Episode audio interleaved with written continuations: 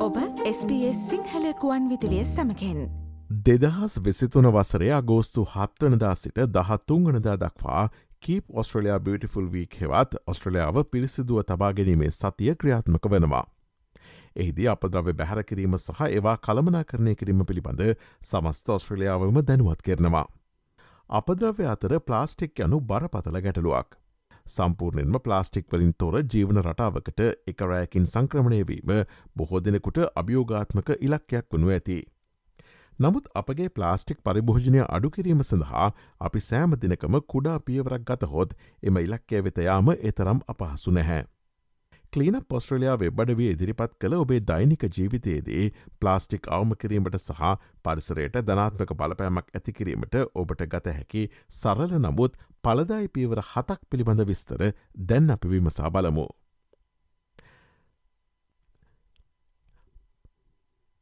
පළමුයන්න නැවත භාවිත කළ හැකි බෑග් රැගෙන සාප්පු යන්න.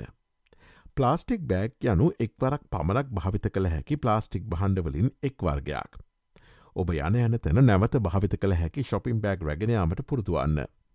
ඔබේ මෝටරත්තේ හෝ ඉදිරිපස දොරළඟ ශක්තිමත් නැමිය හැකි යළියලිත් භාවිත කළ හැකි බෑග් කිහිපයක් තබාගන්න. දෙවන පියවර ඉවත දැමිය හැකි ජලබෝතල් භාවිතයට නොගන්න. ඇදහිය නොහැකි ලෙස ඔස්ට්‍රලයාාව ලෝකයේ මිල අධිකම බෝතල් කළ ජලය ඇති රටවන අතර ඒක පුද්ගල පරිභෝජන අනුපාතිකය අනුව බෝතල් කළ පානය ජලය භාවිත කරන ලොව දෙවැනි රට බවට ඔස්ට්‍රලයාාව පත්වති වෙනවා. බොහෝ ස්ට්‍රලන්වන්ට තම ජලකරාමෙන් රජුවම ඉතා හොඳ ආරක්ෂිත පානය ජලය ලබාගත හැකිවත් සාමාන්‍යෙන් සෑම ඔස්ට්‍රඩනුවක්ම බෝතල් කළ ජලය සඳහා වසරකට ඩොල පන්සිය අසුවක් පමණ වේදම් කරන බව හෙළිවී තිබෙනවා. නැවත නැවත භාවිත කළ හැකි ජලබෝතලයක් ගෙන ඔබ යන ඕනෑම තැනක ඒ රගෙනයාමට මතක තබාගන්න. නැවත භාවිත කළ හැකි විකල්පොල්ටයාම තුංගන පියවරයි. එක්වරක් භාවිත කළ හැකි අයිතම නැවත නැවත භාවිත කළ හැකි විකල්ප සමඟ ප්‍රතිස්ථාපනය කිරීම ප්ලාස්ටික් අඩු කිරීම සඳහා වඩාත් පලදායි ක්‍රමයක්. ප්ලාස්ටික් බට ප්ලාස්ටික් උපකරණ සහ ප්ලාස්ටික් භාජන විශේෂයෙන් කෝපිකෝප්ප ප්ලාස්ටික් දූෂණයට සැලකියුතු ලෙස දායක වනවා. ජලයට ඔරොත්තු දෙන තුනී ප්ලාස්ටික් ලයිනිං නිසා බොහෝ කෝපිකෝප්ප කඩදාස ප්‍රතිචක්‍රය කරන කම්හල්වල කාරක්ෂමව ප්‍රතිචක්‍රය කරණය කළ නොහැකි බැවින් බහුතරයක් පුළුස්සා හෝ ලෑන්ෆිල් අපදරව්‍ය ලෙස බැහැර කරනු ලබනවා. ප්ලාස්ටික් නොවන ඇසුරුම් තෝරා ගැනීම හතරවන පියවරයි. සිල්ලර බඩු මිලදී ගැනීමට යාමේදී ඔබ මිලටගන්නා නිෂ්පාදන සඳහා භාවිත කරන ඇසුරුම් ගැන සැලකිලිමත් වෙන්න. පෙර ඇසුරුම් කළ මස් මාලු සහ ඩෙලි නිෂ්පාදන විශෂෙන් පොලිස්ටයිරින් තැටිමත අලවි කරන නිෂ්පාදන ප්‍රතික්ෂේප කරන්න. ඇසුරුම් නොකරන ලද නැවම් නිෂ්පාදන මිලදීගෙන අවම හෝ ප්ලාස්ටික් ඇසුරුම් නොමැති අයිතම සොයා බලා ඇසුරුම්වල එක් එක් කොටස් නිවැරදිව බැහර කරන්නේ කෙසේ දැයි පවසන ඔස්ට්‍රලයනු ප්‍රතිචක්‍රී කරන ලේබලේ ගැන විමසිලිමත් වන්න.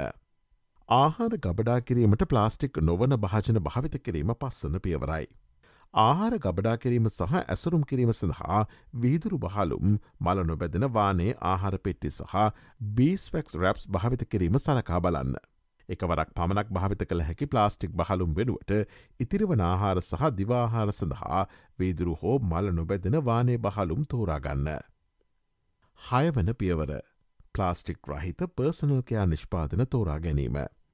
උනබම්බුවලින් නිපද වූ තත්බුරුසු ශැම්පු බාර් සහ ආරක්ෂිත රේස වැනි ප්ලාස්ටික් රහිත විකල්ප නිෂ්පාදන ගැන සැමවිටම සැලකිලිමත් වන්න. නැතහොත් අඩුම තරමින් ඔබ මිලදීගන්නා පර්සනල්කයා නිෂ්පාදන ඩංගු ප්ලාස්ටික් බෝතල් ප්‍රතිචක්‍රය කරණය කරන ලද ප්ලාස්ටික් වලින් තනල දේවා බවට වග බලාගන්න. මෙන්ස්ටුවල් කප්ස් පීරියඩ් අන්ඩවයා සහ සේදිය හැකි කපු පෑට් සහ ලයින ඇතුළු එක්වරක් පමණක් භාවිත කළ හැකි සනය පාරක්ෂක අයිතම සඳහා නැවත භාවිත කළ හැකි විකල්ප බොහොමයක් තිබෙනවා. හත්තන පියවර හැකිතාක් දැනුහොත් කරන්න. අවසාන වශයෙන් ප්ලාස්ටික් දූෂණය හානිකර බලපෑම් පිළිබඳව දැනුවත් කිරීම සහ අපදව්‍ය අවම කිරීම සඳහා ඔබහා එක්වීමට අන්න අයව දිරිමත් කරන්න. ප්ලාස්ටික් භාවිතය අවම කිරීමට අපට සාමූහික බලපෑමක් ඇති කළ හැකි අතර විශාල පරිමාණයෙන් ධනාත්මක වෙනසක්ද ඇති කළ හැකි. ඔස්ට්‍රලයාාවේ මෙවැනි අලුත්ම තොරතුරු දැනගැනීමට SBS.com.tu4/ සිංහල යන අපගේ SBS සිංහල වෙබ් අඩවයට පිවිසන්න. SBS SBS SBS SBS SBS Radio